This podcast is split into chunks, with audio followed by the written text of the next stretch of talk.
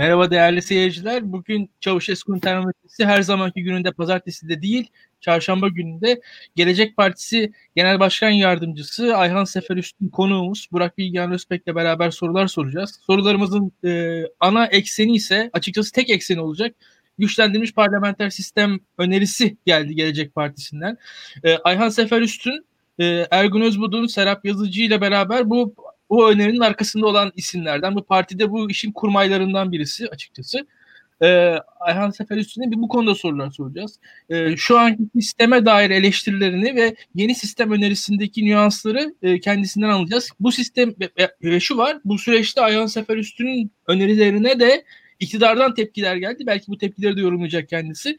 Ee, tekrar hoş geldiniz. Ee, yayınımızı beğenmeyi, paylaşmayı, e, arkadaşlarınıza önermeyi, yorum yapmayı unutmayın. E, hoş geldiniz tekrardan. E, Burak Bilgehan, e, Ayhan Bey'e sorularımla başlayalım istersen. Evet, yani şimdi bizden beklenen bu güçlendirilmiş parlamenter sistem önerisini içeriğiyle enine boyuna tartışmamız. E, bunu yaparız ama öncelikli olarak siyaseten bunun ne anlama geldiğini tartışarak başlayalım. E, yani parlamenter sistemin siyaseten anlamı nedir? bu son zamanlarda yapılan bir tartışma var. Siyasetsizlik, vesayet tartışması. Görebildiğim kadarıyla Sayın Davutoğlu da bu konuda e, bir katkıda bulundu. E, bir vesayet sistemi olduğunu üstünü üstüne basa basa yineledi. E, acaba bu güçlendirilmiş parlamenter sistem yeniden rekabetçi siyasetin ortaya çıkması için siyasi bir hamle mi? İçeriğinden bağımsız olarak söylüyorum bunu. Biraz bunu tartışabiliriz. Ne dersiniz Ayhan Bey? E, doğru. E, aslında e, siyaset üretmekte e, siyasi yapı e, biraz zorlanıyor. E, bir de e, ittifaklarla da sistem, aslında sistem kilitlendi. İşte bir tarafta Cumhur İttifakı, bir tarafta Millet İttifakı, yeni kurulan partileri de ikisinden birini tercih etmeye zorlayan e, bir durum var. Hatta seçmeni de ikisinden birini zorlar bir e, noktaya e, geldik. E, bu kilidi açmamız lazım. Zaten Gelecek Partisi'nin kuruluş amaçlarından bir tanesi de bu tıkanmışlığı, siyasette bu tıkanmışlığı açmak adına kurulmuştur. Ama siyasette işte parti kurarsınız, kadrolarınız oluşur, programınızda tüzüğü yazarsınız. Ondan sonra da güncel konuları e, gündeme getirirsiniz. Onlara çözüm önerileri de üretirsiniz.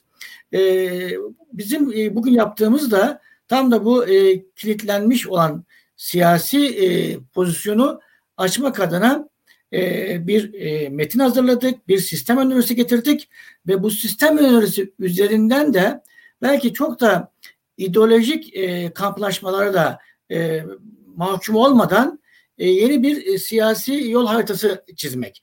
Çünkü burada bunu e, özellikle muhalefet partileri e, neredeyse tamamına yakını bir güçlendirilmiş parlamenter sistem önerisini destekliyorlar.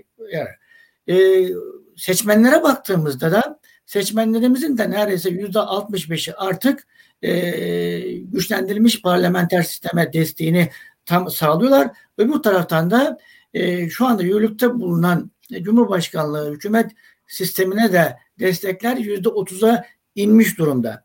İşte siyasetteki tıkanıklığı e, bu somut önerilerle, somut adımlarla e, aşmak için bu da tam da bir e, fırsat olmuştur e, diye düşünüyorum.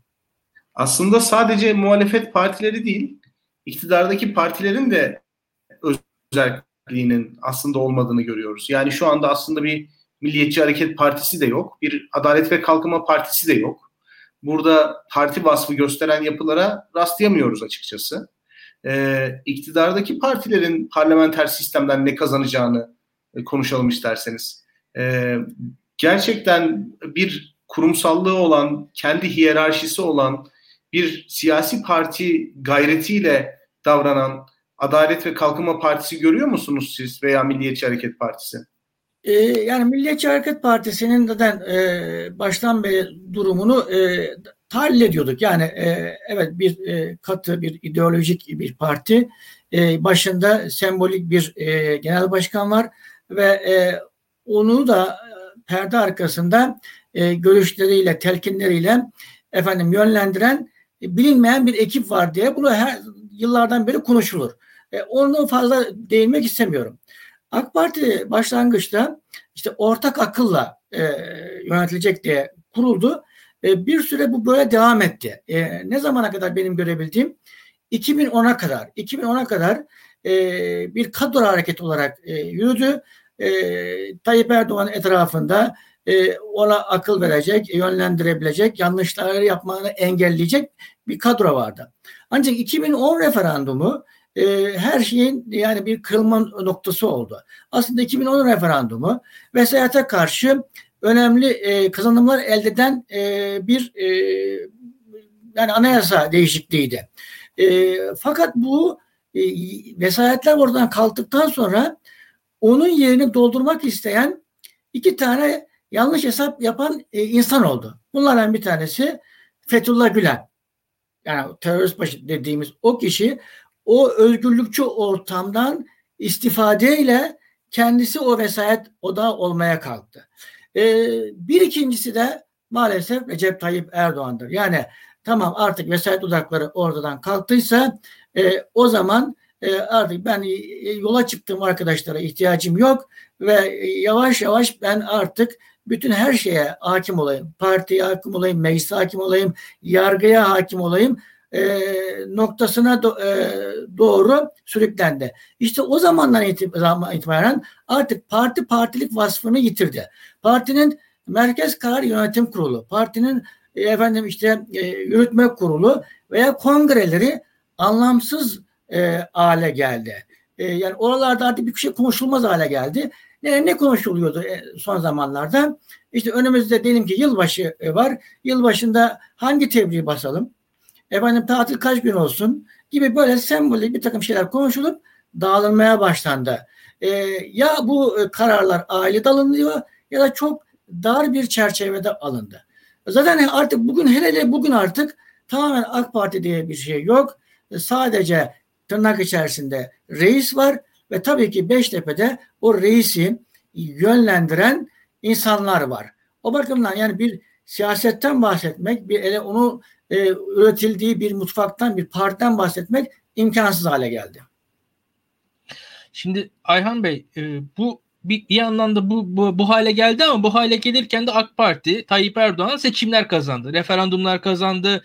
Anayasa değişikliklerini yaptırdı. Halk kabul etti. Bu süreçlerin hepsinde de bir kazanma her aşamasında gerçekleşti. Şimdi şöyle bir şey var. E, bu anlattığınız sistemle beraber Türkiye'nin geniş muhafazakar kamuoyu işte sizin de temsil ettiğiniz kitle diyelim. Evet. Yenilmiş olmayacak mı mesela? Bu duygu olmayacak mı onlarda? Şöyle e, yani parlamenter sisteme geç, tekrar dönersek mi? Evet. E, şunu ifade edeyim. E, bakın e, o günlerde biz de e, yine meclisteydik ve bu meseleyi gördüğümüz halde yani bu, bu kuşun yanlışını gördüğümüz halde belki çok yüksek sesle söyleyemedik bunu. Yani bizde de bu noktada bir sorumluluk var. Ne yapabildik? Ee, 18 sayfalık bir e, metin hazırladık. Tek tek e, nerede sıkıntılar var, nerede yanlışlar olabileceğini, nerede arıza çıkabileceğini e, bunu Sayın Cumhurbaşkanı ilettik. Bu e, ne zaman oluyor? Pardon. Bu 18 sayfalık bu, bu referandumdan önce veya e, şöyle söyleyeyim e, yani Milliyetçi Halk Partisi e, buyurun o zaman başkanlık sistemine geçelim dendi. E, biz e, uzun süre bekledik nasıl bir metin gelecek diye. Çünkü ben de öğrenciliğimden beri gerçekten başkanlık sisteminin daha uygun olabileceğini düşünenlerden birisiydim. E, önceden de savunmuşuz. Merakla bekliyoruz. Nasıl bir acaba sistem gelecek diye, nasıl bir metin gelecek diye. Uzun süre bekledik ancak maalesef e, son dakika e, bir e, metin geldi. O metni biz hızlıca e, tahlil ettik, tetkik ettik ve hemen arızalarını e, bir sayfaya yani bir metne döktük. Bu metin kütüphanelerimizde var. Yani e, şöyle diyemezler. Ya bunlar suskun kaldılar derler. Evet halka karşı suskun kaldık şöyle. Çünkü müthiş bir propaganda makinesi işledi. İşte 15 Temmuz sonrası ve e, insanlara cennet vaat edildi. Biz bunu e, fiili bir müdahaleyle engelleseydik yüzyıllar boyunca işte biz çok iyi bir şey getirecektik ama maalesef içimizdeki hainler bunu engellediler e, ithamıyla karşı karşıya gelecektik. Biz içeride bu mücadeleyi verdik e, ve e, dilimiz döndüğünce de ulaşabildiğimiz insanlara da bunları anlattık. Hatta bugün e, çok önemli bir pozisyonda olan yine bir hukukçu e, arkadaşımız o da sistemin içerisindeydi. Bu yönlendirici olanlardan bir tanesi. E, şeyinde de önünde de profesör doktor yazıyor. Bununla konuştuk. E, önce e, Ayhan Bey öyle değil falan dedi. Sonra dedim ki bakın bir meslek etiğiyle konuşalım hocam dedim yani. Eğer meslek etiğiyle konuşmayacaksak e, bu, bu tartışma yürümez. E, baş başa konuşuyoruz çünkü. E, şu yası yanlış değil mi, burası yanlış değil mi deyince ya haklısın ama dedi. Bu elbiseyi, aynen bak bu elbiseyi Recep Tayyip Erdoğan'a göre biçiyoruz dedi. O siyasetten çekildikten sonra ne yaparsanız yapın dedi. Şimdi ben de kendisine ya hocam dedim bu boyacı küpü müdür ki böyle sok çıkar hemen e, boyansın yani. Bakın e, darbecilerin yaptığı bir anayasayı daha hala ortadan kaldıramadık. Orasını burasını değiştirdik ama hala onunla idare ediliyoruz. E, bu bu 10 e, yıllar boyunca değiştirilemeyebilir ve gerçekten de kötü sonuçlar verebilir dediğimizde yani yapacağım bir şey yok gibi e, söyledi. E, referandumda da aslında yani çok e, az bir farkla geçti. Yani bakın referandum e, e sonuçlarına daha önceki yıllar mesela 2010 referandumu dahi e, daha yüksek bir e, sayıyla e, geçmişti. Ama halkımız, yani sizin sorunuza geliyorum İlkan Bey. Hı hı. Halkımız çok kısa süre içerisinde bir laboratuvar ortamında yani 83 milyonun göz önünde bu işin yürümediğini, bunun bir sultanlık olduğunu, bir bunun krallık olduğunu gördü ve süratle de zaten desteğini çekti. Şimdi e, bizim e, tabanımızın da e, şöyle söyleyeyim bir, birkaç katman haline geldi tabanımız. E, bir okumuş yazmış vicdanlı bir kesim var. Bunlar gidişattan memnun değiller. Zaten İstanbul seçimlerinde de onlar tepkisini gösterdiler. E, bunun dışında milliyetçiliğe evrilmiş e, bir taban var mı? Var. E, yani e, MHP tabanıyla AK Parti tabanının bir kısmı neredeyse aynı havuzda şu anda. Aynı e, kimlikleri, aynı söylemi e, taşıyor. Belki bunlar yani, e, bu işten e, rahatsız olabilirler ama vicdanlı, okumuş, yazmış, e, Hazreti Ad, Ad, Ömer adaletini savunan e, muhafazakar kesim kesinlikle bundan efendim e, rahatsız ol, olmayacağını düşünüyorum.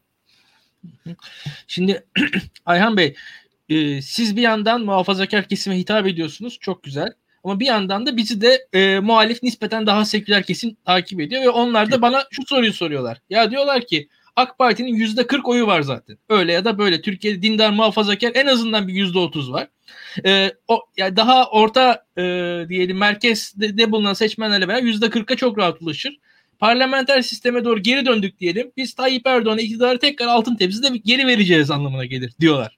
Şimdi Hı. burada sizin seküler kesime ya bir e, açıklamanız, bir izahınız olacak mı? Kendi, o tarafta etmek için. Yani tamam iktidara konuşuyorsunuz. Yani oradaki İslami kamuoyuyla konuşuyorsunuz. Muhafazakar kamuoyuyla konuşuyorsunuz. Hatta şöyle bir şey var. Ee, hani AK Parti içerisinde mesela Bülent Arınç konuştu. Orada ben benim Aksaçlılar dediğim hala AK Parti'de kalan bir ekip var bence. Onlar e, muhtemelen size daha yakın düşünüyorlardır. O insanlar ikna edebilirsiniz. Ama bir yandan bir seküler kamuoyu var. Onlarla diyorlar ki biz bu sistemle en azından 30 yıl sonra 40 yıl sonra İstanbul'u aldık. Yani bir başkanlık sistemine benzer bir sistemle. Yani ve şansımızı burada daha fazla görüyoruz. O zaman o kesime karşı bir sözünüz var mı? Parlamenter sistem ne açıdan daha iyi olacak o kesim için? Şüphesiz var. Zaten artık aslında e, ideolojiler üzerinden kendimizi e, tarif etmiyoruz aslında. Yani e, sağ sol e, gibi bir takım tabirlerin ben eski siyasette kaldığını e, düşünüyorum ve evrensel değerler üzerinden kendimizi tarif etmeye çalışıyoruz. Yani muhafazakar kesimin yani diyelim ki daha e, 1400 yıl öncesine dayanacak bir muhafazakarlıktan bahsediyorum. O kesimin ürettiği değerlerle aslında Batı e, e, dünyasının e, ürettiği değerler artık evrensel değerler olarak çakışabilir. Yani adalet hepimizin değeri. Yani Hazreti Ömer'in savunduğu da adalet adaletti. Efendim Avrupalıların savunduğu da adalet. Liyakat, ehliyet dediğimiz şey yani e, hepimizin savunduğu. İstişare, ortak akıl dediğimiz yani sadece tabirleri biraz aslında değiştiriyoruz. O bakımdan bir defa e, artık bu evrensel değerlerle e, ben kendimi en azından tarif ediyorum ve öyle konuşuyorum.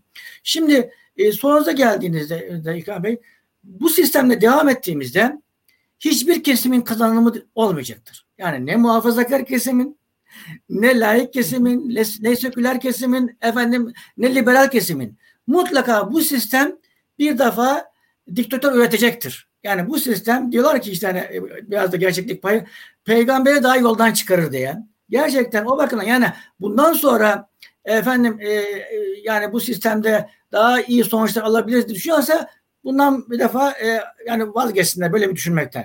İkincisi zaten bizde kesinlikle önceden Türkiye'de denenmiş aslında adı parlamenter sistem ama kendisi parlamenter sistem olmayan sisteme dönmek istemiyoruz. Yani ne 1924 ile 60 arasında ne 61 ile 82 arası 80 arasında veya 82 ile 2018 arasında e, uygulanmış ama adına parlamenter sistem deyip de e, bu bir yerden bazen melez olmuş, bazen vesayetçi olmuş, e, bazen ço- e, çoğunlukçu olmuş e, böyle bir sisteme dönmek istemiyoruz.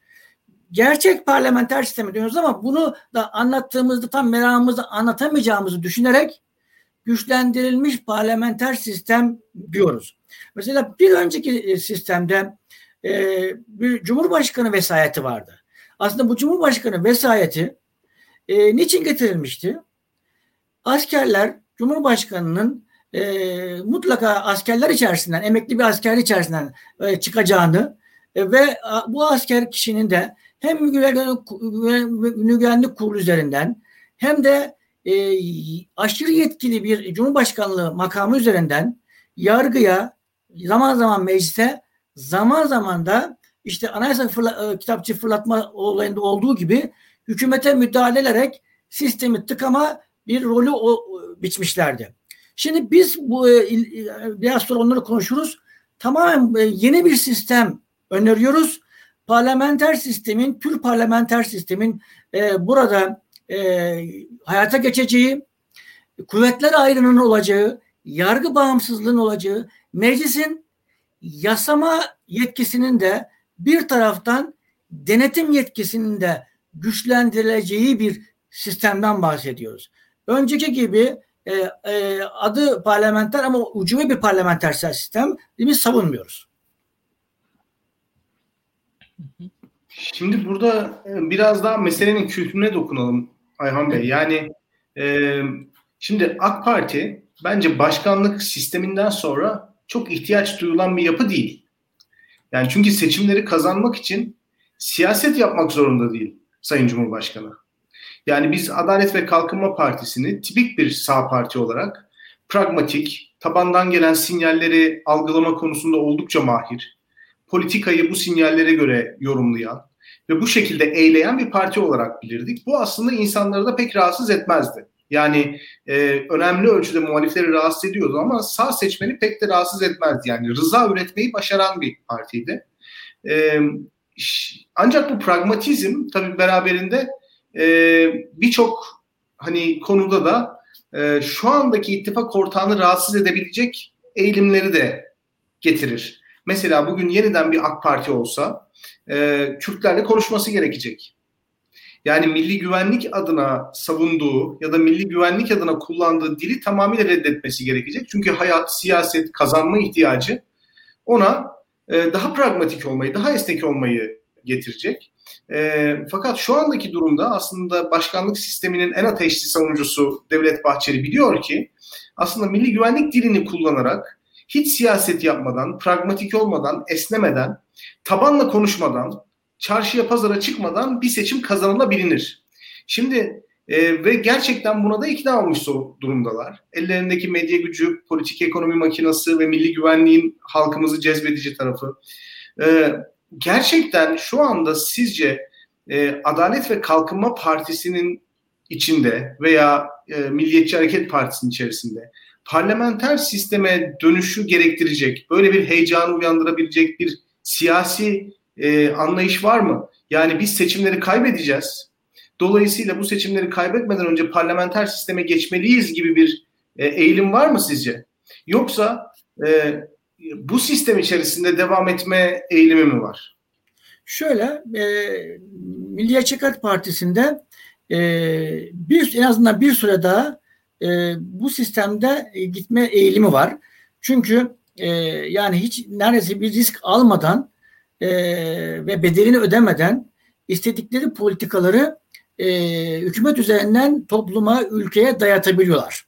E, ama öbür tarafta neredeyse e, yani politikasızlıktan, siyasetsizlikten kıvır kıvır kıvranan e, üzerinde de bir küfe olan AK Parti var.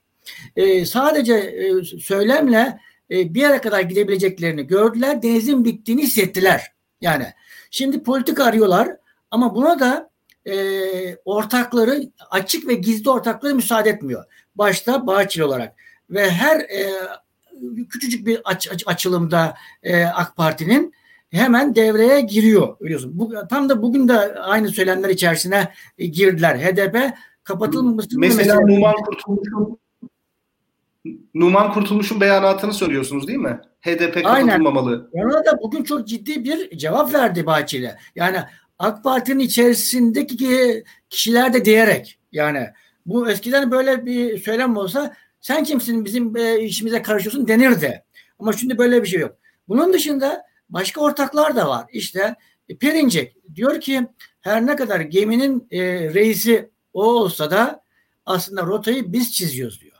Bunun dışında bence ben e, 15 Temmuz'dan sonra yine başka e, müesses nizamı temsil eden e, kişilerle veya gruplarla da bir gizli ortaklık kurulduğunu hissediyorum.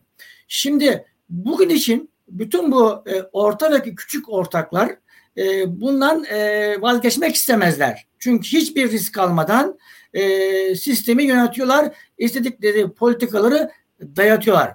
E, ama bu arada insanlar e, ülkenin e, sağlıklı yönetilmesini istiyorlar. Sağlıklı bir dış politika istiyorlar. Aş iş istiyorlar. Ama e, ortada da böyle bir durum artık kalmadı. İşte Merkez Bankası bitti, hazine bitti, tükendi, e, işsizlik ta, e, tavan yaptı.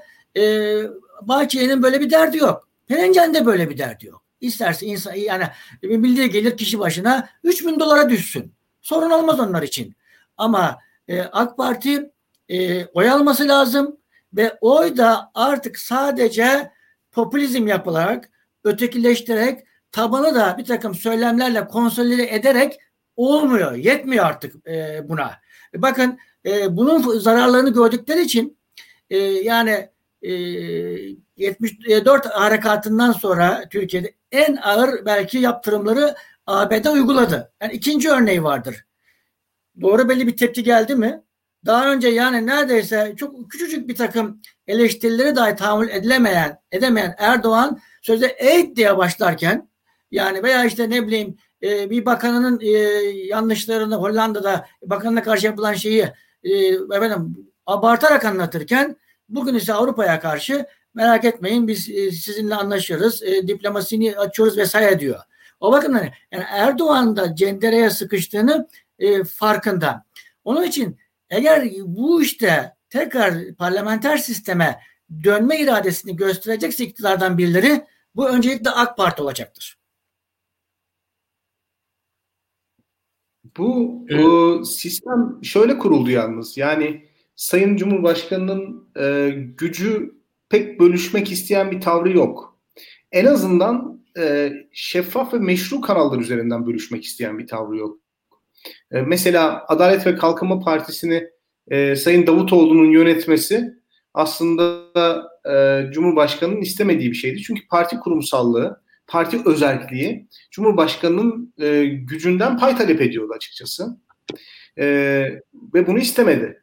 E, şimdi e, galiba mevcut sistem e, gücünü Sayın Erdoğan'ın bu e, tek adam olma arzusundan ve gücünü paylaşmayı istememe arzusundan alıyor. Yani bugün Bahçeli'nin veya Perinçek'in sırtını dayadıkları yegane nokta bu. E, o yüzden siz gerçekten e, Adalet ve Kalkınma Partisi içerisinde değişimi sürükleyecek aktörün e, Erdoğan mı ol, olacağını yoksa başka aktörler olacağını mı düşünüyorsunuz? E, Adalet ve e, Kalkınma Partisi'nin içerisinde değişimi e, arzu edecek, bunu dillendirecek artık insan kalmadı. E, zaten e, 2019 seçimlerine giderken üç tane elek kurmuşlardı. Bu eleklerden bir tanesi e, meclis grubunda, bir tanesi partide, bir tanesi de Beştepe'de. Yani burada e, artık en risksiz insanları en az en az baş ağrıcık insanları aldılar. Biraz da işte e, kamuoyuna gösterecekleri isimleri aldılar. Onların e, bu noktada bir e, reform talebi edeceklerini ta, ta, tahmin etmiyorum. Zaten 2015 yılında da aslında ilk ayrışmalar buradan geldi. Yani 2015 yılında e, Sayın Davutoğlu ile birlikte 12 Eylül 2015'te e, AK Parti'nin yönetimine geldiğimizde e, AK Parti'nin başka bir yere doğru savrulduğunu gördük, hissettik ve onun içinde e, bir adımla atalım dedik. Bunun adına da restorasyon demiştik. Bundan çok çekindiler, korktular ve bunu reddettiler. Dediler ki eskiyen bir şey mi var? Siz bir şeyi restore edeceksiniz diye. Bir de dedi ki yani elbette kurumlar da bazen yıpranabilir. Kişiler yıpranabilir. O bakımdan bunlara zaman zaman format atmak gerekir. İşte e, siyasi etik yasası, e, şeffaflık kanunu yani bu az şeffaflık kanunu ama aslında hırsızlığı önleme kanunuydu. Ne bileyim imar yasası. Bu imar yasası dediğimiz şey aslında işte binanın boyu şöyle olsun böyle olsun değil. O tamamen imar rantlarının e, şehir içerisinde adil bölüşümü paylaşımı idi. Veya Avrupa Birliği'ne vizesiz giriş e, anlaşması gibi. Bütün bunlara maalesef bizim içerimizdeki arkadaşlarımız müsaade etmedi. Yani ben orada e, reform artık e, istencinin kalmadığını, reform talep edecek e, figürün de kalmadığını e, görüyorum.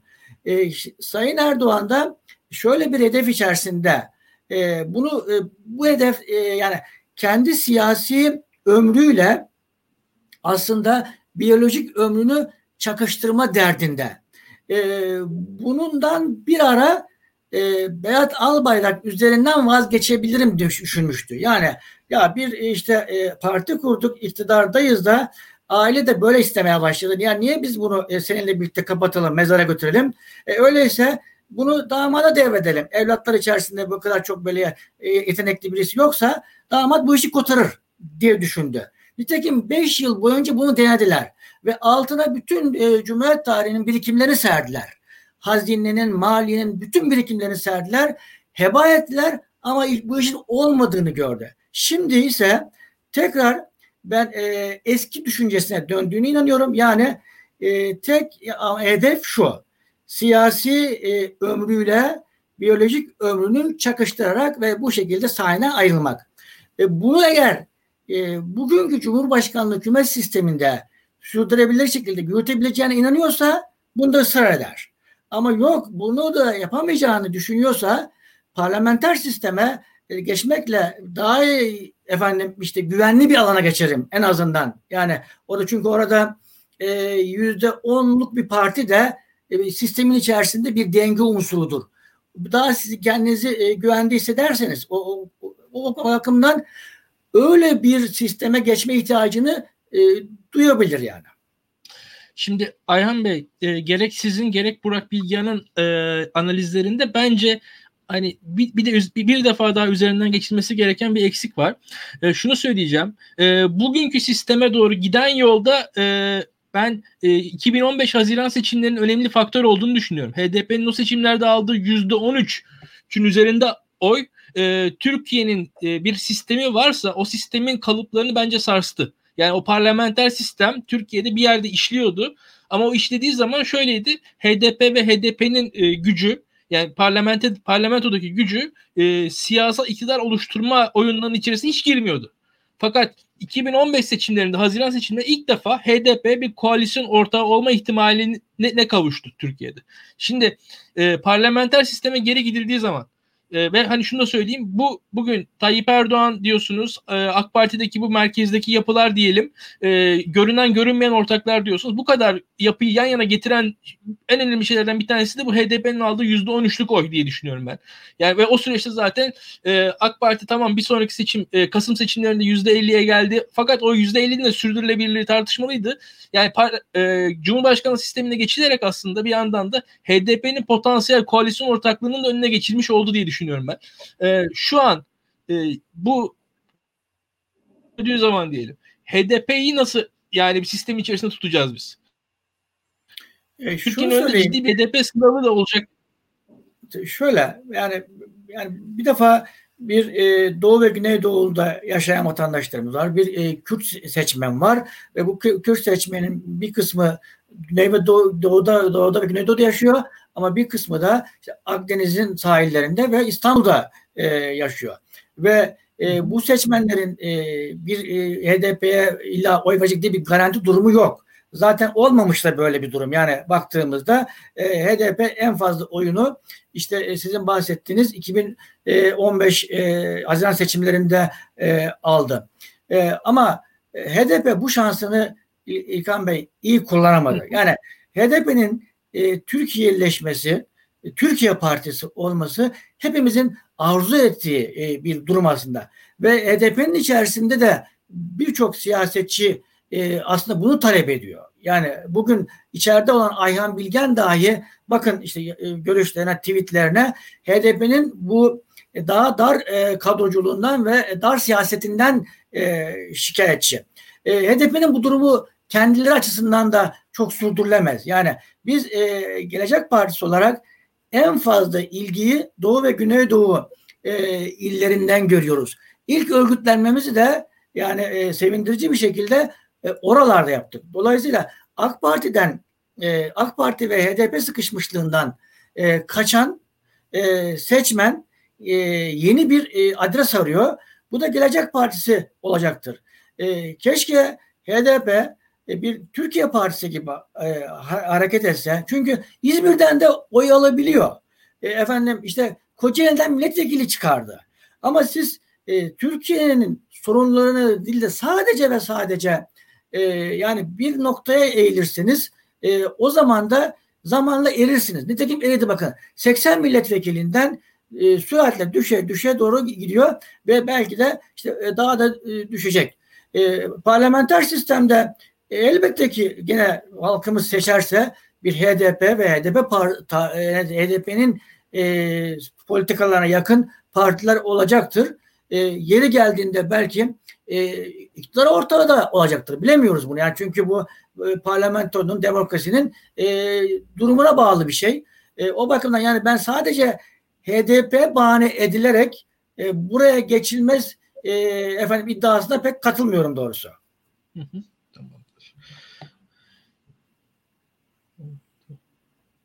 O zaman e, sistem önerisinin biraz detaylarına bakalım. E, bize e, parlamenter sisteme geçiş e, sürecini ve bu geçiş sürecinde e, hangi önerilerle e, ortaya çıkacağınızı bir anlatabilir misiniz Ayhan Bey? Evet. E, Burak Bey şimdi e, bir defa e, şöyle deniyor. Ya şu anda e, zaten sizin e, mecliste bu savunun savunanların çoğunluğu yok e, bu ne zaman nasıl olacak diye bir soru atıyorlar. Sanki hemen biz bugünden yarına yapılacak bir iş öneriyormuşuz gibi e, sunmaya çalışıyorlar. Oysa e, önümüzdeki e, genel seçimlerle birlikte daha çok konuşulması gereken bir e, süreçtir bu.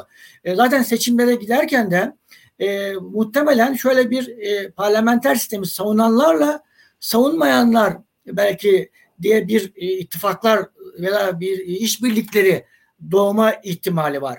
E, seçimlerde e, bunu savunan e, partiler e, çoğunluğu sağlarlarsa mecliste zaten e, anayasa değişikliğini e, sayılar yetiyorsa yapabilirler. E, yani bu bir yöntem ama bundan önce de bir takım e, protokoller oluşturulabilir. Yani denebilir ki e, biz aşağıdaki partiler e, güçlendirilmiş parlamenter sistemi hayata geçirmek için bir araya geldik.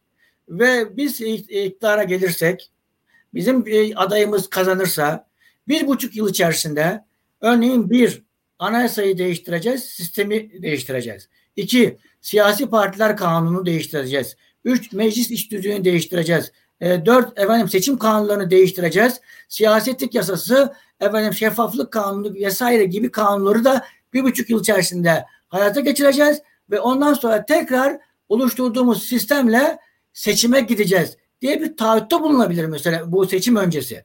Bu, bu da bu, bu da bir yöntem. O bakımdan bu zaten ileriye matuf e, bir e, öneridir diye ifade edeyim.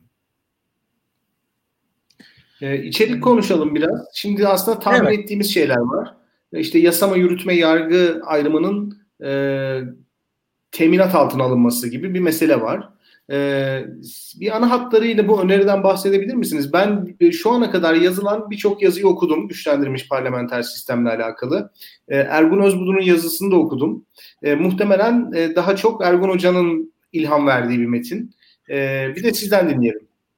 E, Sayın Özbudun, Sayın Yazıcı, e, Serap Hanım e, gerçekten çok büyük katkılar sundu. Bizler de parlamento pratiğimizi, e, oradaki elde ettiğimiz tecrübelerimizi aktardık e, ve böylece bir ortak bir metin e, ortaya çıktı. E, güçlendirilmiş parlamenter e, sistem e, demek kastımız birincisi bir defa gerçekten eski e, parlamenter sistemde uygulanmış yönteme dönmek istemediğimizi belirtmenin e, gayesini güdüyoruz. İkincisi e, parlamenter sistemde de bir takım açıklar, e, bir takım e, zaaf yönleri olabilir. E, bunu da tahkim eden öneriler getiriyoruz. E, bir defa pür parlamenter sisteme geçmek için öncelikle bir önceki sistemde e, yani 82 ile e, 2018 yılında arasında e, var olan e, yetkileri fazla fazla ama halka karşı hiçbir sorumluluğu olmayan e, Cumhurbaşkanını parlamenter sistemde olduğu gibi tam da yerli yerine tutuyoruz. Yani sembolik bir hale getiriyoruz. Yetkilerini törensel hale getiriyoruz. Burada kimi güçlendiriyoruz yürütmenin içerisinde? Yürütmenin içerisinde e, partisinin başında olan e, seçimlere e, gidip de giderken halka taahhütte bulunan başbakana, başbakan adayına aslında güç veriyoruz. Kime güç veriyoruz yürütmenin içerisinde? Şu anda e, bir daire başkanı konumuna düşmüş olan bakanlara güç veriyoruz. Yine kime güç veriyoruz? Başbakan ve bakanların birlikte müzakere yaptıkları bakanlar kuruluna e, güç veriyoruz. Bugün kabine toplandı falan diyoruz ama o toplanan aslında kabine falan da değil. Onlar e, Cumhurbaşkanı'nın sekreterleri aslında. Bakmayın burada bir ucube sistem var. İşte ne yapıyorlar? E, sadece bütçe e, görüşmelerine gidiyorlar ve orada siyasetçi gibi konuşuyorlar. Aslında siyasetçi falan değil şu anda. Sizin ne, konuşma ne hakkınız var demesi lazım birisi. Şey, terminoloji yanlış aslında. Biz, Efendim? Ya terminoloji yanlış aslında. Biz alışkanlıktan bakan diyoruz onlara yani. Onlar Aynen. Hem... Doğru. Ya o çok da e, yürütmeyi çok değişik bir var aslında Türkiye'de Efendim? şu anda. Mesela televizyona çıkan da siyasetçi yok. Mesela televizyona çıkan AK Partili siyasetçi yok. Ee, Tabii. Siyasi sorumluluk almıyor. E, bakan aslında AK Partili siyasetçi değil ama bir yandan da siyaset yapıyorlar bu insanlar. Yani böyle bir sınıf var. Siyasetçi olmayan ama siyaset yapan gibi. Sorumluluk almayan ama eyleyen. Böyle bir sınıf oldu evet. Türkiye'de. yani tam da ucube sistem diyordu. Gerçekten tam bir ucube sistem oldu. O bakımdan şimdi yürütmeyi bir defa böyle dizayn ediyoruz. Yani e, e, meclisin içerisinden seçilmiş e, bir cumhurbaşkanı ama törensel yetkilere sahip sorumluluk tamamen başbakan, bakanlar ve bakanlar kurulunda olacak bir yapı çağırıyoruz. E, yürütmeni de eylemlerini yaparken e, taahhütlerini yerine getirecek yetkileri olacak. Çünkü böyle bir soruyla karşı karşıyayız. Yani siz eli kolu bağlı bir yürütme mi istiyorsunuz? Hayır. Taahhütlerini kanunlar ve hukuk çerçevesinde yerine getirecek ama aynı zamanda cezai sorumluluk olarak yargı hesap verecek siyasi sorumluluk olarak meclise ve seçmene hesap verecek.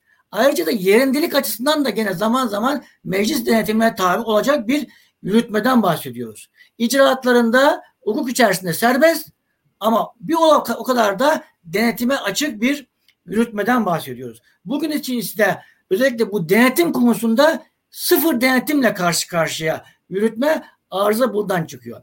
Bunun bir meclis ayağına geçelim isterseniz.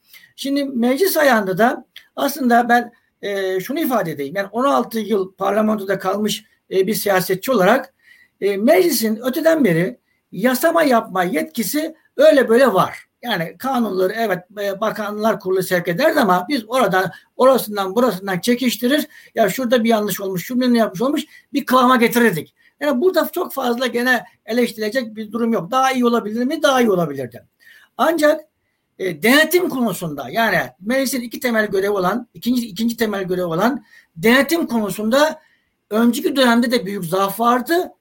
bugün için artık ise tamamen meclisin yasama, yasa yapma etkisi de denetim etkisi de tamamen sıfırlanmış e, boyutta.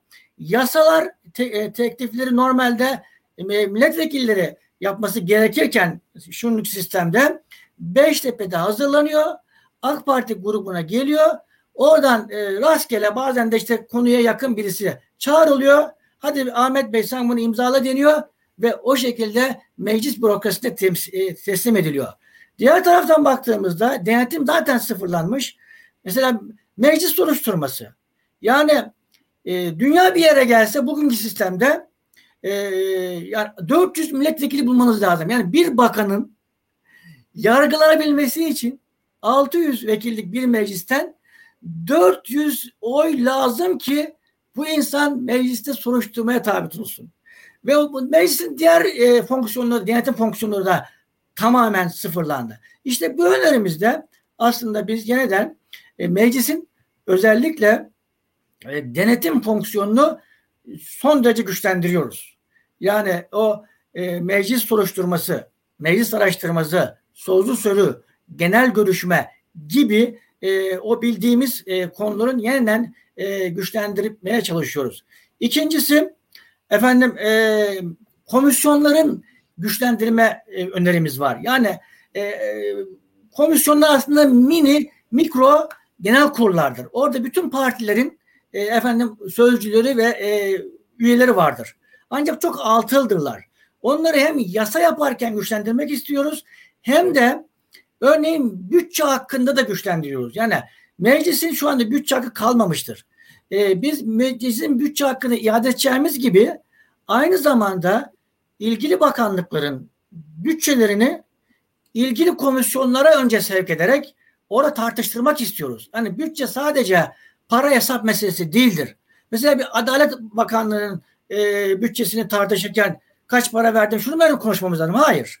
İşte tam da bugün uzun tutukluluk halleri, Anayasa Mahkemesi'nin kararlarının yerine getirilmemesi gibi konuları Adalet Komisyonu'nda enine boyuna tartıştıktan sonra ceman toplam olarak bütçe komisyonunda parayı tartışmamız lazım. E, bunu e, yerine getirmek istiyoruz. Efendim yine mesela e, devlet sırrı diye bir şey var. Devlet sırrı dediğinde akan sular durur. Ticari sır dediğim akan sular durur. Milletin temsilcileri dahi bunları göremez. Bunların tam tanımlarını yapmak istiyoruz. Veya işte bütün parlamentolarda bir parla, parlamento, senato veya neyse bir kişiyi çağırdığında ertesi gün oraya gelir, gelmek zorundadır. Bizde böyle bir davet olduğunda ister gelir ister gelmez. Keyfine kalmış bir şey. 15 Temmuz darbesi için araştırma komisyonu kuruldu. Kimisi geldi, kimisi gelmedi. Bakın yani ne kadar vahim bir durum değil mi? Yani e, en önemli konuda dahi adam ister gelirim ister gelmem diyor. Bütün bunları e, tekrar dizayn edecek ve meclisi her haliyle meclisin denetim yetkisini her haliyle güçlendirecek bir yapı öneriyoruz. E, bunun dışında bir da... de Hakimler Savcılar Kurulu'nun yapısıyla alakalı bir öneri vardı galiba. Yargı da tabii bu, Evet, şimdi bu yargıya daha geçmediğim için buna da, e, değinmedim. Ama bir de e, ola ki parlamenter sistemde tam da bazıların yani gene işte bugünlerde siz e, ya eski koalisyonlara mı döneceksiniz gibi e, veya istikrarsız günlere mi döneceksiniz gibi itirazları e, ortadan kaldıracaklar öneriler getiriyoruz. Yani sistemin kendisini güçlendiren, sisteme payanda olan da somut önerilerimiz var. Zaten parlamenter sistemde illa koalisyon çıkacak diye de bir durum yok. Güçlü hükümetler çıkmış mı çıkmış. Menderes hükümeti, Özal hükümetleri, Demirel hükümetleri ve Erdoğan hükümetleri. Yani son e, Erdoğan hükümetleri nerede çıktı arkadaşlar? Hangi sistemde çıktı ortaya? Parlamenter sistemde çıktı. Ama zaman zaman da elbette ki e, koalisyonlar da olabilir. Olmaz diye bir şey yok. Bunlar demokrasinin cilveleri. Nitekim iyi sonuçlar veren, e, iyi reformlar yapan koalisyonlar da olmuştur. Şimdi burada koalisyon kurmak durumunda kalındığında bunun hemen yıkılmaması için e, yapıcı güvensizlik oyu diye bir e, sistem öneriyoruz. Yani ne demek istiyoruz bundan? E, önceki dönemde olsaydı işte bir koalisyonu yıkmak isteyen e, partiler bir araya gelir, çoğunluğu da sağlamışlarsa yıkabilirlerdi. Yeni bir hükümet teklif etmelerine yeniden bir araya gelmelerine ihtiyaç yoktu. Ama şimdi diyoruz ki yıkmakta anlaşan partiler yapmakta da anlaşacaklar. Bu nasıl bir olacak? Nasıl bir pratik olabilecek? Yani meclis başkanlığına gen soruyu ver, verirken bir taraftan da biz şu üç parti, iki parti neyse çoğunluğu sağlayacak şekilde yeni bir hükümet teklifi list kurduk, sağladık ve başbakan adayımız da bu diyecekler. Belki bu aynı öneriyi o Cumhurbaş Başbakan adayını atayacak olan Cumhurbaşkanı olduğu için aynı öneriyi Cumhurbaşkanı da götürecekler. Yani diyelim ki sabah, sabah, sabah saat 9'da meclise verdi. Diyelim ki iki gün sonra gen su oylaması yapıldı. Gerçekten de yıkılmışsa öğleden sonra Cumhurbaşkanı yeni başbakan adayını çağıracak ve hiçbir istikrarsızlığa mal vermeden yeni bir hükümet böylece kurulmuş olacak. Dolayısıyla sistemi de güçlendiren, sistemin açıklarını daha tahkim eden önerilerimiz de burada var. Şimdi e, Cumhurbaşkanını e, şu an halk seçiyor. E, sizin anlattığınız sistemde Cumhurbaşkanı tekrardan parlamenter e, parlamenterler tarafından seçilecek ve yetkilerini daha e, azaltıyorsunuz diye ben anlıyorum ve sembolik e, olacak. Tabii, olarak. Yani aklımda gelen örnekler Almanya, İsrail gibi ülkelerin cumhurbaşkanları geliyor aklıma. Biraz onlara yakın diyebilir miyiz? Açıkçası Almanya'ya çok benziyor. Mesela şimdi bazen e, şunu da diyorlar. Vay siz Cumhurbaşkanı'nı aa, halk tarafından seçilme yetkisini mi alacaksınız? E, o işte hayır. Orada e, zaten halkın seçeceği ve yürütmenin gerçek başı olan e, başbakan olacaktır. E, şu anda Merkel nedir? Aslında başbakandır. Herkes Mer Merkel'i tanır. Yani aslında herkes başbakanı tanır. Herkes başbakanın gözünün içerisine bakar ve onun taahhütlerinin yerine getirmesini bekler. Cumhurbaşkanı e, var mıdır Almanya'da? Vardır. Ancak nedir? Semboliktir. Sadece hükümet kurulmasında sembolik bir yetkiyi verir ve kenara çekilir.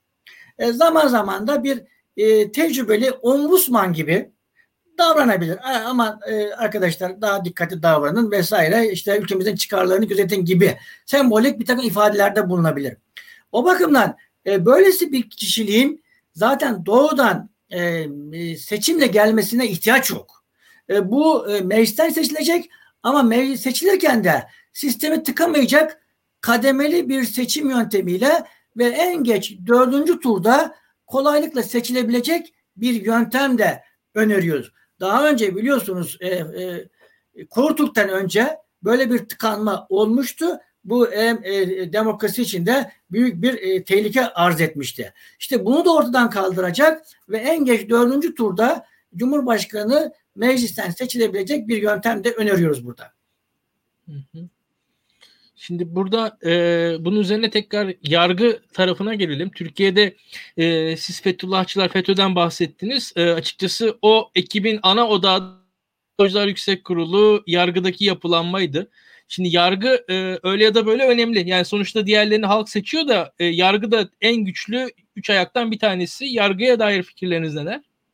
Şunu ifade edeyim yine bir e, yani yanlıştı düzeltelim ondan sonra diğer önerilerimize geçelim. Aslında 2010 referandumunda e, değişiklik Anayasa Mahkemesi'ne gitti e, götürüldü e, muhalefet partisi tarafından ve bir maddesi biliyorsun iptal oldu. Tam da Hakimler ve Savcılar Yüksek Kurulu'nun seçimiyle alakalı maddeydi. Çok yani enteresan. Muhtemelen Anayasa Mahkemesi de bunun sonuçlarını bilmeden bunu iptal etti. Ee, öne, me, e, metinde ne vardı? Metinde aslında e, e, hakimlerin yani e, ve savcıların bir kişiye bir oy kullanabilecek, bir oy kullanma imkanı vardı. E, bu yasağı Anayasa Mahkemesi kaldırınca diyelim ki 17 tane e, e, HSYK üyesi varsa e, bir hakim 17 tane oy kullanabildi. Ve bu sefer de orada e, çoğulcu bir yapı oluşmadı. Blok bir e, sistemle insanlar aynı görüşteki kişiler e, oluşturdu. Hakimler ve Savcılar Yüksek Kurulu o zamanki e, kurulu ve maalesef zaten yargının da e, kalbi, beyni burasıdır. Yani buraya hükmettiğinizde siz artık yargıyı yavaş yavaş e, zapturap altına alırsınız. E, şimdi bunu değiştirmek adına e, işte e, o kapatıldı. Hakimler Savcılar Yüksek Kurulu kapatıldı. E, Hakimler Savcılar Kurulu getirildi.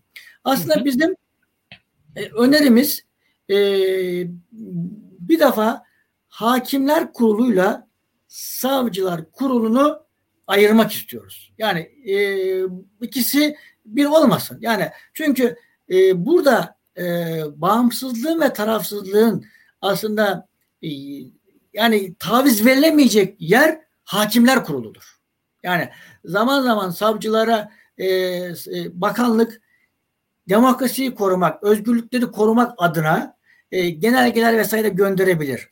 Ama hakimler bu, kategoride değildir. Hakimler tamamen tarafsız, bağımsız bir yapıda olması lazım. Bir defa böyle bir ikiye ayrılmayı öneriyoruz. E, bugünkü sistemde e, yine e, arıza şuradan kaynaklanıyor. İşte bir kısmını Cumhurbaşkanı seçiyor, e, bir kısmını da meclis seçiyor. Ancak mecliste seçilenlerle alakalı herhangi bir e, nitelikli bir e, seçim sistemi, nitelikli oy diyelim buna, bir e, kademeli oy getirilmediği için e, iktidardaki e, partiler anlaştıklarında ki MHP ile AK Parti anlaştıklarında kendi fikirleri doğrultusunda insanları oraya seçtiriyorlar. E, zaten diğer üyelerde Cumhurbaşkanının da efendim e, onayıyla geldiği için e, tamamen e, yürütmeye yürütmeye tek kişiden oluşturduğundan tek kişinin iradesiyle oluşan bir e, hakimler, savcılar kuruluyla karşı karşıyayız. Ondan sonra tabii bu sefer artık baskılar başlıyor. Hakimlik teminatı zaten yok. E, şunu da zaman zaman söylüyorum. E, bizim e, yani zabıta memurlarımızın mesleki teminatı, inanın bunu bak espri olsun da söylemiyorum. Zabıta memurlarımızın mesleki teminatı hakimlerin ve savcıların teminatından çok daha yüksek. Siz e, kararlarını beğenmediğiniz bir hakimi bugün alırsınız. Ömrü hayatında hiç savcılık yapmamış olsa dahi savcılığa gönderebilirsiniz. Zulmetmek isterseniz iş mahkemesine verirsiniz. Zulmetmek isterseniz ticaret mahkemesine verirsiniz. Bir defa yaptığı iş itibariyle bir teminat yok. İkincisi bir coğrafi teminatı yok. Yani İstanbul'dan alırsınız. İstanbul'da da şu an bugünler yaşamak çok zor ama İstanbul'dan alırsınız Şırnağa, Van'a, başka bir yere Artvin'e verebilirsiniz. Hiç kimse size bunu nere, niye verdiniz diye sormaz. Böyle bir yapıyla karşı karşıyayız. Onun için yeniden hakimlik teminatının getirilmesi lazım ve bir hukuk reformu gerçekten yapılması lazım. Yani adalet reformu diyoruz biz aslında buna. Artık çünkü, buradaki peşinde koştuğumuz değer adalet. Adaleti sağlayacak bir reformun e, peşinde koşmamız e, lazım. E, işte bunları zaten hem programımızda aslında hem de güçlendirilmiş parlamenter sistemde başlıkları itibariyle veriyoruz. Bilemiyorum daha detaya inmemi ister misiniz?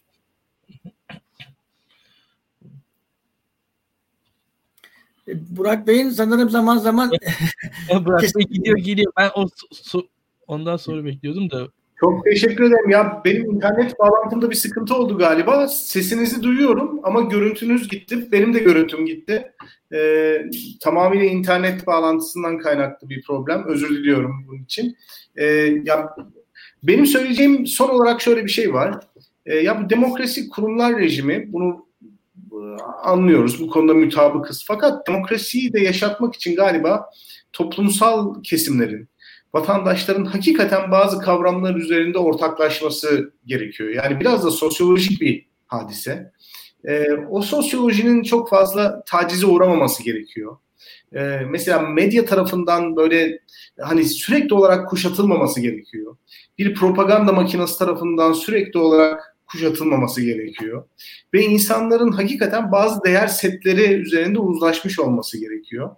E, yani sizin önerinizi mesela dinlerken evet bunların e, çoğu uygulandığı zaman parlamenter, rekabetçi bir demokratik sisteme geçebiliriz. Fakat e, şunu gösteriyor bize, eğer sistemleri bozmak isteyen ya da kendi çıkarı için manipüle etmek isteyen bir lider ortaya çıkarsa bunu başarıyorlar bir şekilde. O yüzden ben mesela hayatımın şu döneminde e, kurumlar kadar kurum dışı parametrelere de önem veriyorum. Mesela medya özgürlüğü gibi. E, mesela işte toplumsal yargıları şekillendirecek e, meseleler gibi. Hani demokrasiyi ne yaşatır? Bence demokrasiyi Hakimler Savcılar Kurulu'nda yaşatır. Fakat bana sorarsanız teminatı e, o demokrasiye sahip çıkacak, çıkacak insanlardır. Namuslu gazetecilerdir. E, böyle düşünüyorum. Bu demokratik sistem, parlamenter sistemin kalitesi için bu tip sosyolojik parametreleri hiç düşündünüz mü? E, bu cevabınızı da alalım. Biz tamamız öğrenebilecek her şeyi öğrendik sizden. Onu ya gerçekten bakın e, biraz insan unsuru derler yani. yani insanın kalitesiyle Hı. alakalı bir mesele bu. E, gene bir hatıramı anlatayım ondan sonra e, sizin sorunuza da geçelim. E, bakın e, bireysel başvuru gerçekten e, yani e, Türkiye Cumhuriyeti vatandaşları için e, hak arama yol açısından büyük bir kazanım. E, 2011'in e, başları sanırım Nisan-Mayıs ayları Anayasa Mahkemesi'nin e, kuruluş kanunu e, yürütüyoruz. Ben de e, o zaman Anayasa Komisyonu Başkan Vekiliyim ve bu kanunun da kurulu kanunun da komisyon başkanıyım. E, şimdi e, iş e, geldi geldi geldi e, bireysel başvuruyla ilgili kararların uygulanması konusundaki e, mecburiyetin hangi dille yazalım? E, ben e, çok böyle birazcık da baskıcı bir dille yazdım. Yani neredeyse vallahi de billahi de bunu uygulayacaksınız der gibi bir şey. E, bunu e, Yargıtay Cenahı duymuş, rahatsız olmuşlar. Toplantı istediler bizden ve e, Anayasa Komisyonu'nda bir toplantı yaptık. Toplantıda Yargıtay'ın temsilcileri, yani başkan vekili falan olabilir, e, Adalet Bakanı, Meclis Başkanı, rahmetli Burhan Kuzu, Anayasa, Anayasa e, Mahkemesi'nin e, başkan vekili ve genel sekreteri. Bakın beni ikna etmeye çalışıyorlar. Diyorlar ki Ayhan Bey ya bu kadar sert yazmayalım. Bu muhataplarımız e, işte onlar hakim savcılar. Koskoca Anayasa Mahkemesi bir karar verecek de kabul etmeyecekler mi? Uymayacaklar mı? Yani bu kanunları biraz daha böyle e, şeyli süslü cümlelerle yazalım falan bunu. E, oradan da ya, Yargıtay Başkanı, Yargıtay temsilen gelen tabii ki tabii ki bizim arkadaşlarımız gün görmüş insanlar, şöyle insanlar elbette uyarlar falan. Neyse daha politik cümlelerle yazdık. Ama buna rağmen orada uyması gereken bir e, olduğu anlaşılıyor yani. Bugün geldiğimiz noktada işte Anayasa Mahkemesi'ne kafa tutan ve anayasa suçu işleyen e, bir yargı e, maalesef yapısıyla karşı karşıya kaldık. Ve bunlar şu anda İstanbul'da bizim İstanbul Başsavcısı e, en fazla da uygulamayan e, bölgenin başsavcısıydı. Şimdi bu Anayasa Mahkemesi'ne adaylığını açıkladı. İşin garabetine bakın. Yani Anayasa Mahkemesi'nin kararlarını tanımayan bir yargı mensubu orada üye olmak istiyor. Acaba ne yapmak istiyor? Yani gidip de Anayasa Mahkemesi'ni lağım edecek. Daha ne kaldı yani? Zaten uygulamaları lağım etti.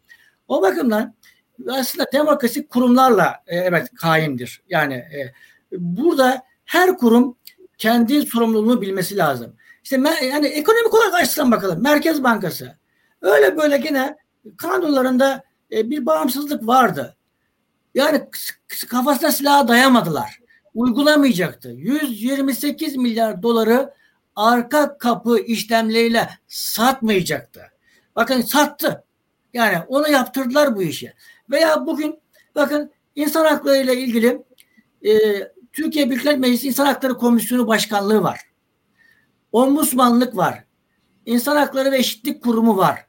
Yani bunlar koca koca kurumlar. Bunların 150-200 tane personeli var. Bunların müthiş bütçeleri var. Sadre Şifa bir tane kararlarını uygulamalarını gördük mü? Görmedik arkadaşlar. Kamu Etik Kurulu var. Kamu Etik Kurulu. Başında da çok değer verdiğim gene eski meclis başkanı bir parlamenter var. Eski bakan var. Üyeler eski bakanlar. Ya beş tane maaş alıyor.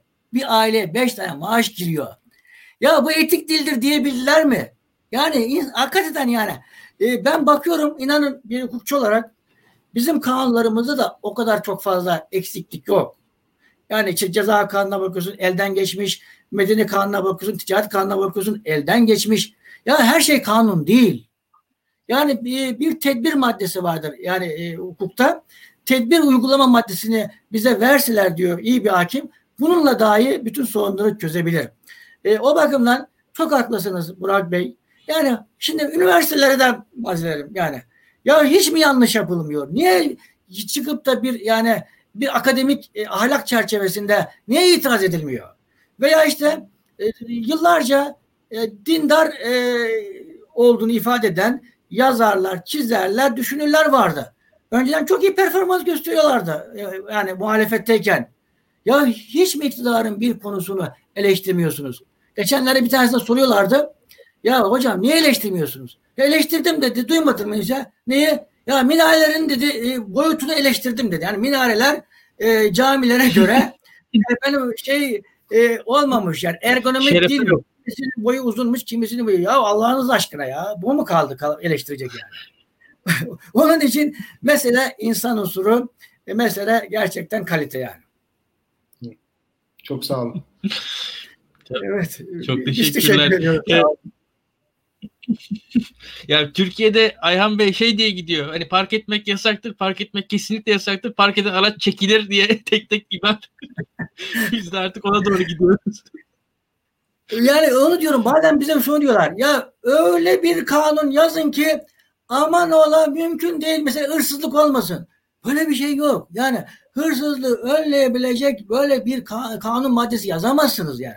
Bunlar kişilerle, ahlakla, etikle ilgili bir konu. İşte öyle bir kanun yapalım ki aman ha e, işte adam diktatörlüğe kaymasın falan. Böyle de bir durum yok ya, yani. Böyle bir şey yok. Elbette ki mümkün olduğu kadar e, düzgün sistem kurmaya çalışacağız. Ama adamın sabahtan akşama sadece düşüncesi sistemin açıklarından istifade etmek, sistemi bozmaksa e, buna bir tedbir yok yani arkadaşlar. Hı hı. Doğru. Doğru. tamam o zaman. Ee, o zaman e, Ayhan Bey bu gecelik bu kadar yetsin. Biz bir saati geçtik. Ee, bize konuk oldunuz. E, önerilerinizi anlattınız. Muhtemelen Kesin. Sanırım kesildi. Genel değerlendirmemizi bir daha yaparız diye düşünüyorum.